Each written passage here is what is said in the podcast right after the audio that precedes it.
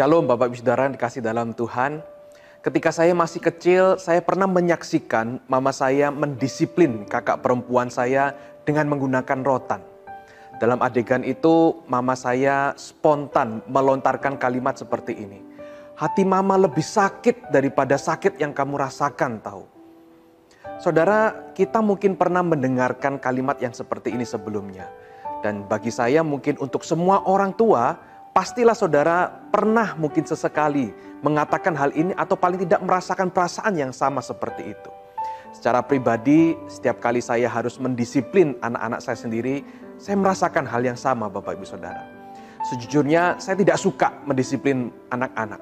Saya tidak suka meminta mereka untuk menghadap ke tembok beberapa waktu, menyita mainan favorit mereka, apalagi memukul pantat mereka. Itu menyakitkan saya dan menghancurkan hati saya setiap kali saya harus mendisiplin mereka. Mengapa? Karena saya mencintai anak-anak saya. Saya lebih suka melihat mereka bersenang-senang, bahagia, mengalami kegembiraan. Tapi ketika saya mendisiplin mereka, maka semua itu berhenti seketika. Dan itu digantikan oleh air mata, muka yang muram. Tetapi saya tetap harus mendisiplin anak-anak saya. Kenapa? Karena begitulah cara Allah Bapa kita yang baik dan yang sempurna itu memperlakukan kita juga seperti itu.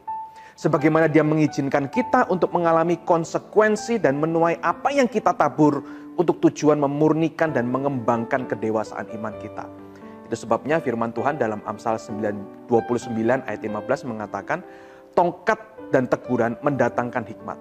Tetapi anak yang dibiarkan mempermalukan ibunya.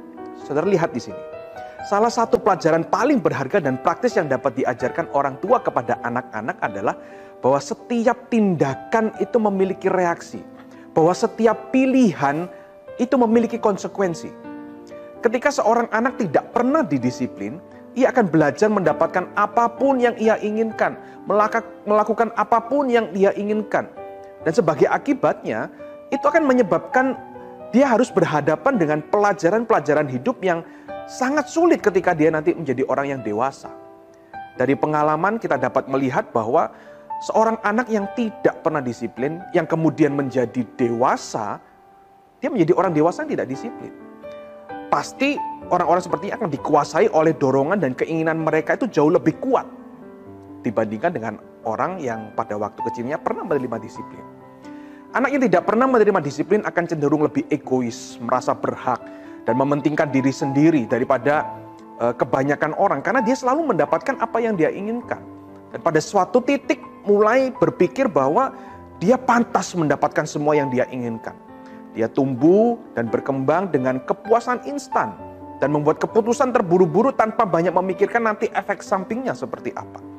Tatkala hal itu terus dibiarkan berlanjut sampai dia dewasa. Ketika konsekuensi akhirnya benar-benar datang, itu akan menghantam seperti bom yang tidak siap sama sekali untuk dia tangani.